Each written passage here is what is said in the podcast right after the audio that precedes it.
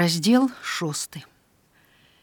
Як лейтенант не падганяў байцоў на апошніх кіламетрах шляху. Усё ж світанак застаў іх у голым беласнежным пасля начной мяцеліцы полі непадалёк ад шашы карыстаючыся апошнім прыцемкам ивановскі прайшоў яшчэ кіламетр з усё большай рызыкай ён набліжаўся да ледзьве прыкметнай здаля ніткі дарогі як раптам убачыў на ёй машыны. Лейтенант ледзь не крыкнуў ад прыкрасці. Не хапіла якіх 15 хвілін, каб праскочыць на той бок шашы. Для суцяшэння сябе ён спярша падумаў, што машыны неўзабаве пройдуць і яны сапраўды. Хутка схаваліся ў далечыні, але следам за імі паявіўся нейкі марудлівы конны абоз, У абгон яго з-за пагорка выскачылі дзве чорныя прыземістыя легкавушкі. Стала відавочна пачынаўся дзень і больше ў рух перайсці шашу незаўважанымі з іх валакушай. Мабыць, не было чаго і думаць. Тады Івановскі, не набліжаючыся да шашы, але не аддаляючыся ад яе, круто ўзяў у бок, на недалёкі пагорак з рэдзенькай грыўкай кустоя. Сховішча там, мяркуючы па ўсім было нікудышняе, але і чакаць у лагчыне паблізу ад шашы таксама не выпадала, хутка віднела і кожную хвіліну іх маглі згледзець немцы. З апошняй сілы лыжнікі ўскараскаліся на пагорак, ледзьве не вывалілі з валакушы параненага, і лейтенант, перасільваючы звыклы боль у назе, зморана пасунуўся да недалёкага ўжо хмызняку. Аднак на паўшляху да яго перад івановскім выраз са снегу нейкі даволі высокі вал, які роўна пераразаў пагорак і збягаў да шашы, Спярша лейтенант здзівіўся, а пасля ўсё зразумеў і ўзрадавана замахаў рукою таварышам, якія ледзьве брылі за ім, маўляў, давайте хутчэй. Гэта быў напаўзамецены снегам супраць танкавы роў. Адно з тых шматкіламетровых палявых умацаванняў, якія спачатку вайны ва ўсіх кірунках парэзалі тутэйшыя землі.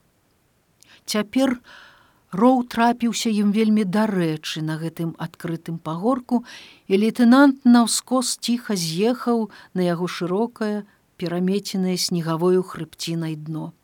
Тут было зацішна і даволі глыбока, ветер з аднаго боку намёў прыгожы фігурны застрэшак, які ўтварыў некаторае сховішча зверху. Напэўна, нейкі нядоўгі час тут можна было адседзецца адзін за адным яны ўваліліся ў гэтае сховішча і тут жа пападалі на мяккія выгібы гурбаў. Ён таксама упаў, як упаяўся задам у шчыльна спрасаваны завеяй снег і горача дыхаючы, доўга невідушча глядзеў, як снегавым пылам курыцца на ветры грабеньчык застрэшка. Івановскі не ведаў, як яму быць далей. Дзе і як перабрацца цераз злашчасную гэту шашу, не ўяўляў сабе, што рабіць з параненым. Ён толькі адчуваў, што з мінулай ночы ўсё пайшло не так, як ён на гэта разлічваў. Усё выходзіла горша, можа стацца, што скончыцца і зусім кепска. Але ён не мог дапусціць, каб пасля столькіх пакут, і намаганняў. Усё скончылася няўдачай. Ён адчуваў што павінен да апошняй магчымасці супрацьстаяць абставінам так як бы ён супрацьстаяў немцам. Не падвялі б сілы а рашучасці ў яго хопіць. Хвілін двадцать яны ляжалі ўровень не сказаўшы ніводнага слова і ён не мог знайсці ў сабе сілы, каб загаварыць і назначыць назіральніка. Ён толькі ў думках паўтараў сабе, што зараз, зараз трэба кагосьці назваць. Хоць усе яны былі дарэшты знясілены, але адзін нехта павінен быў ахвяраваць адпачынкам і вылезці наверх, на вецер сцюжу, каб не даць ворагу засцігнуць знянацку астатніх. Трэба паназіраць. Нарэшце сонна вымавіў Івановскі і перачакаў нямое маўчанне лыжнікаў. Суднік, вы. Суднік прываліўся спіной да снежнай сцяны, трымаючы на каленях набіты пілавіннем рэч мяшок са сваім далікатным грузам. Было падобна на тое, што ён спаў. Галава яго ў мокрым капюшоне была звешана долу, вочы прыкрыты. Суднік зноў гукнуў лейтенант: зараз, зараз. Яшчэ трохі шчакаўшы, баец рыўком выпрыміўся, сеў раўней. Пасля абапёрся на руки устаў і рэзка хіснуўшыся ледзьве не паваліўся зноў. Ціха! Бутэлькі спалохаўся лейтенант і гэты спалох разам вывеў яго са стану неадчэпнай санлівасці пакінуўшы лыжы ўнізе суднік узлез на высокі крутаваты бруствер трошки збоч ад байцоў і залёг за ім белым пластом на свежым снезе Як там? Ідуць? Ідуць, і канца не відно. Ну, вядома, яны будуць ісці, не чакаць жа ім, калі ён пярэйдзе на той бок шашы, каб знішчыць іх базу. У іх свае мэты і свае задачы, напэўна, супрацьлеглыя ягоным задачам. Ён падумаў добра яшчэ, што паблізу няма іх стаянак, інакш бы ён нядоўга праседзеў у гэтым сховішчы. Напэўна, мінула каля гадзіны і івановскі прахапіўся ад сцюжы разгарачанае цела пачаў прыбіраць мароз усе апроч судніка на брустверы нерухома ляжалі бы нежывыя і ён падумаўшы што так лёгка можна памерзнуць крыкнуў не спаць а ну сесці ўсім сёй той заварушыўся Лукашоў сеў мутным ад знямогі поглядам абвёў снежнае сховішча. Півавараў не крануўся нават са зручнага снегавога месца. Ён спаў. І тады лейтенант рашыў, што, мабыць, трэба ўсё ж даць некалькі хвілін паспаць, іначай іх проста не скранеш з месца. Можа, за 30-40 хвілін не замерзнуць. Праўда, у такім выпадку сам ён заснуць ужо не меў права. Немалым намаганнем, выкліканым блізкай навіслай над ім небяспекай, Івановскі адагнаў ад сябе цягучую дрымоту і ўстаў. Яго даўно непакоіў хакімаў. Але толькі цяпер з'явілася магчымасць агледзець байца, і лейтенант, хістаючыся, падышоў да параненага. Як ён і баяўся, байцу было кепска. Мабыць, усё яшчэ непрытомны, ён нерухома ляжаў на лыжах, туга загорнуты ў абсыпаную снегам палатку. Праз цесную адтуліну, у якой праглядваў яго белы з сінім адценнем твар. Ад частага кароткага дыхання краі адтуліны гутка заінелі і дробныя сняжынкі, абсыпаючыся з іх, адразу ж раставалі, на мокрых шчоках хакімова. Ён быў у гарачцы. Схіліўшыся над байцом лейтенант ціхенька паклікаў яго але той ніяк не рэагаваў на ягоны голас толькі часта напружана дыхаў некалькі хвілін ён сядзеў над параненым і сумняваўся у правільнасці свайго рашэння, якое асуджала Хакімова на гэты пакутны шлях. Можа, сапраўды, лепш было пакінуць яго у якім-небудзь стажку, пачакаць, калі вернецца група. Але тады з параненым трэба было б пакінуць яшчэ кагосьці.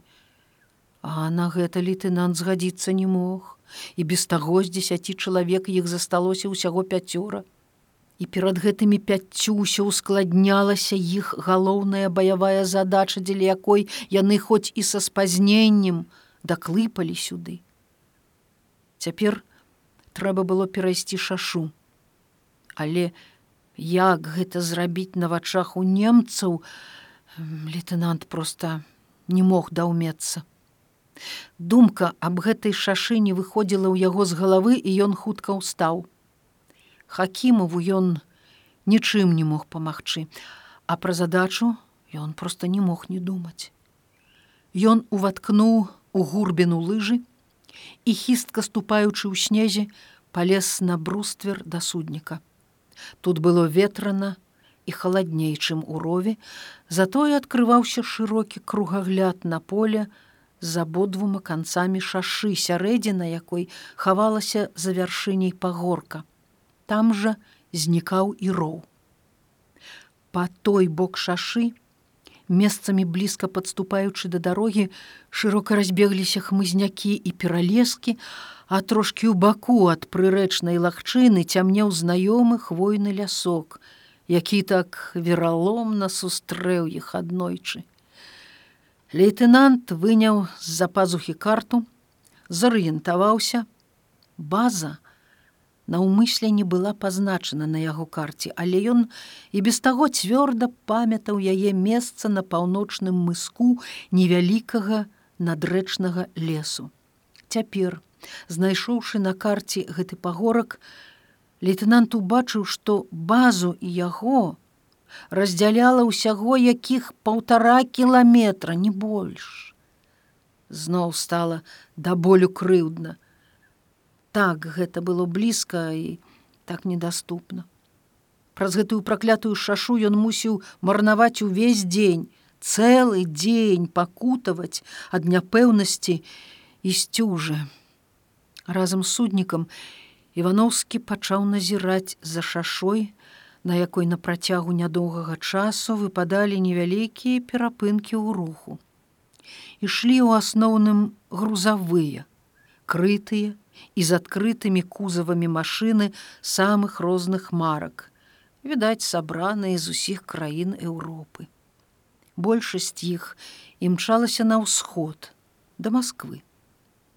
І раптам лейтенант падумаў, што калі не ўсім і не спараненым, то, напэўна, хоць бы з адным двума, варта паспрабаваць, скарыстаўшы роў, перабрацца цераз шашу ва ўсякім выпадку за дзень ён бы там нешта выглядзеў разведаў склаў бы план дзеяння а як сцямнела перавёў бы на той бок і ўсю групу гэтая думка адразу надала яму бадзёрасці і выклікала дадатковыя сілы для дзеяння ён споўз з бруствера нягучна але энергічна гукнуў лыжнікам пад'ём паскакаць, пагрэцца ўсім, ну!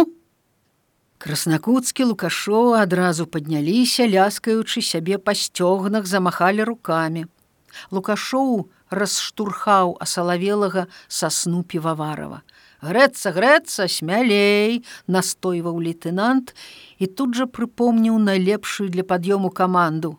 А ну, снедаць! Лукашоў, даставайце кансервы усім па два сухары.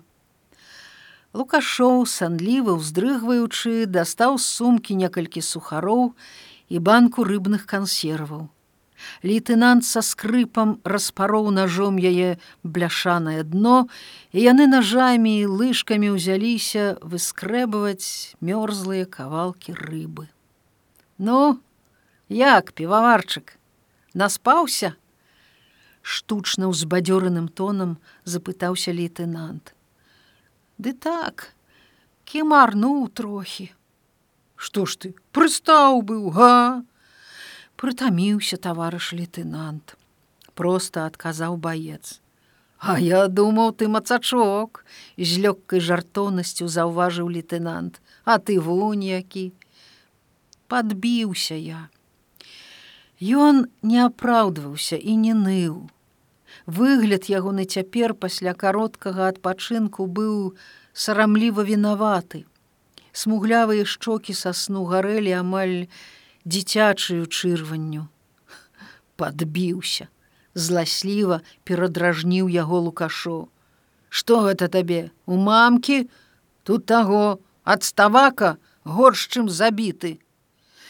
Забіты што, забітаму сілы не трэба, а тут во, пухеры на руках ад вяроўкі, паказаў краснакуцкі свае распухлыя чырвоныя далоні. Яму, вядома, хапіла за мінулую ноч. Але каму не хапіла. І яшчэ невядома, што ўсіх чакае наперадзе. А то вунь сачкі ранейшым раздражнёным тонам працягваў лукашоў. Не то змыліся, не то заблудзіліся, а тут за іх аддувайся. Ён меў на ўвазе дзюбіна з зайцам, аб якіх таксама ні на хвіліну не забываўся лейтенант. З забітым усё было зразумела. Вельмі трудна, але ўсё ж зразумела было з хакімавым. Старшына ж з зайцам зніклі ў начным шляху быццам праваліліся скрозь зямлю, ціха, бясследна і загадкава. Добра яшчэ калі проста. А то як бы не гэта самае, бурчэў лукашоў строга і заклапочана пазіраючы ўздоўж рова і лейтенант зразумеў на што намякаў сержант, але таго што ён меў на ўвазе не павінна быць. Івановскі не хацеў дапусціць і намёку на думку, што старшына дзюбін быў здольны на здраду. І тым не менш ён быў поўны няпэўнасці, як не думаў, не мог зразумець, куды прапалі гэтыя двое з яго і без таго невялічкай групы. Яшчэ немцаў следам прывядуць, прастадушна азваўся краснакуцкі. А што? лыжня под носам, гані, недзе дагоніш. Усё можа быць, змрочна пагадзіўся лукашоў. Хопіць вам, умяшаўся Івановскі. Старшына не такі, не той чалавек. Лукашоў жаваў сухар і ўсё ўзіраўся ў канец рова. Чалавек, дапусцім, не той, а ўсё можа быць. У нас у 109 таксама такі бравы капітан быў усё абарону ладзіў, а наладзіў, аказалася не ў той бок. Немцы паявіліся першым і падняў руки. Ну гэта вы кіньце, рашуча абарваў яго Івановскі. Дзюбін не капітан, гэта точно. І пасля трэба больш лукашоў людзям верыць. Вам жа вы вераць, Дык то я, А чаму вы думаеце, што дзюбін горшы за вас? Бо я тут, а яго няма. Сапраўды, логіка яго разважанняў была неабвержнай. Запярэчыць яму было цяжка. На самай справе ён жа вось не адстаў, хоць і быў замыкаючым. І яшчэ не даў адстаць півавараву, які цяпер сядзеў побач і хутка аблізваў лыжку. Увогуле, Лукашоў меў рацыю, але Івановскі чамусь не хацеў асуждаць дзюбіна, хоць і апраўдваць яго таксама не было як. Кансервы яны хутка даелі, пасядзеўшы гурбіне дагрызлі сухары.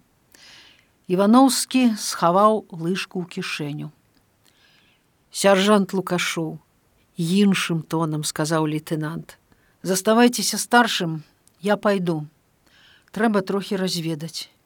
Усім быць тут. Можна адпачываць. Назіранне кругавое. Хутка вярнуся.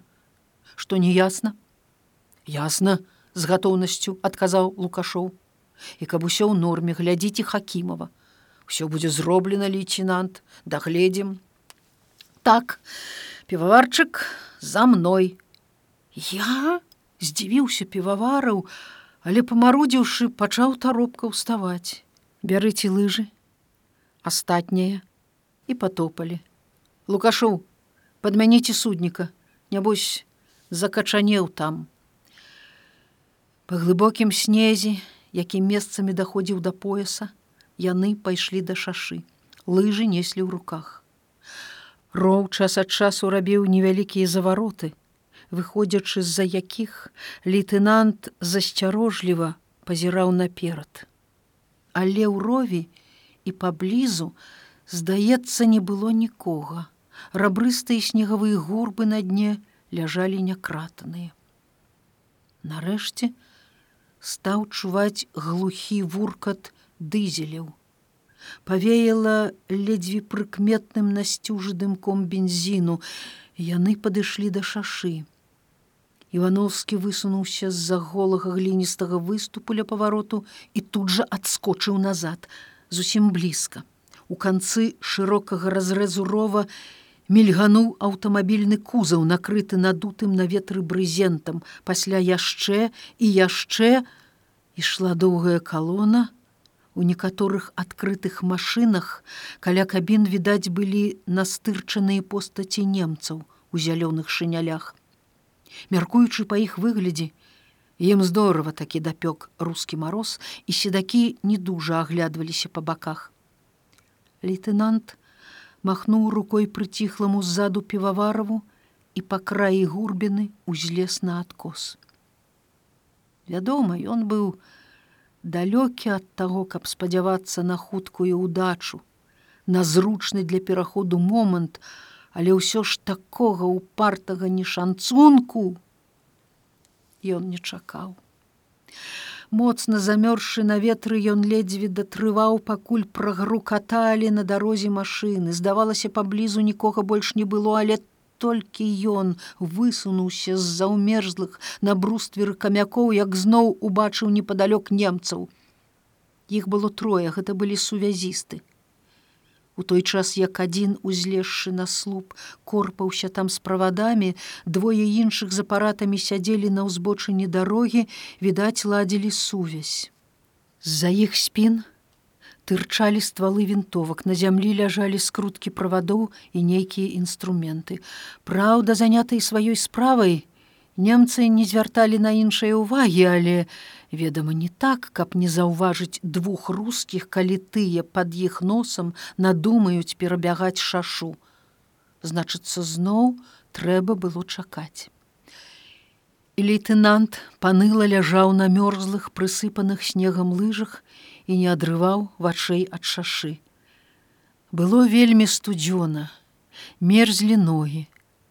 Параненае сцягно балела ўсё больш гэты боль усё часцей звяртаў на сябе яго ўвагу. Рух машын на шашы ужо некалькі разоў то аднаўляўся з найбольшую шчыльнасцю, то заціхаў трохі. І тады паяўляўся разрыў на кіламетр ці больш.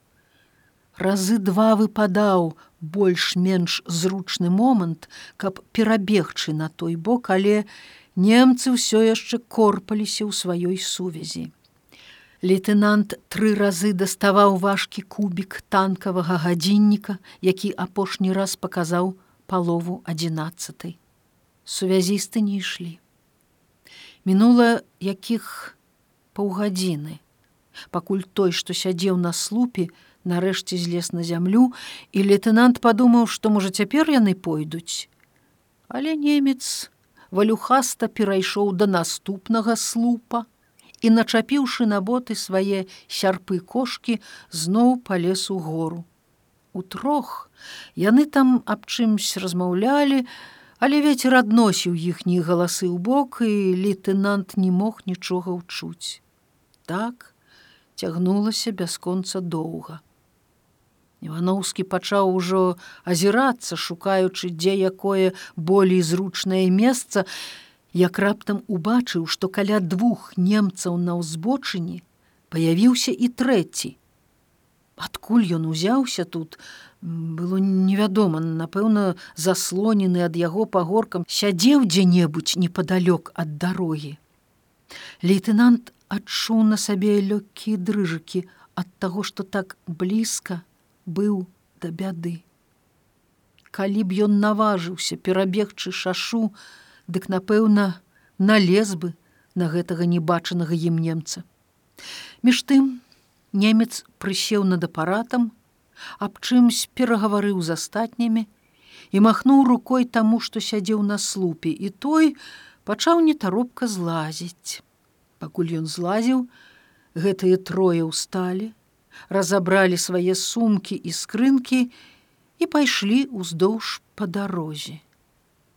На гэты раз яны спыніліся значна далей ад рова, на слуп ніхто ўжо не палез, і лейтенант зірнуў у процілеглы канец шашы. Цяпер, мабыць, трэба было рашыцца. Ён жвава споўз па адхоне на дно рова, павярэдзіўшы набалелае сваё сцягно. Півавараў ускочыў з наседжанага ў снезе месца, Івановскі моўчкі кіўнуў яму, і яны, прыціскаючыся да крутога боку адхону, хутка прайшлі парове ўніз. Тут іх ужо лёгка маглі заўважыць з дарогі. Лейтенант упаў за снегавую хрыбціну, уціснуўся ў снег.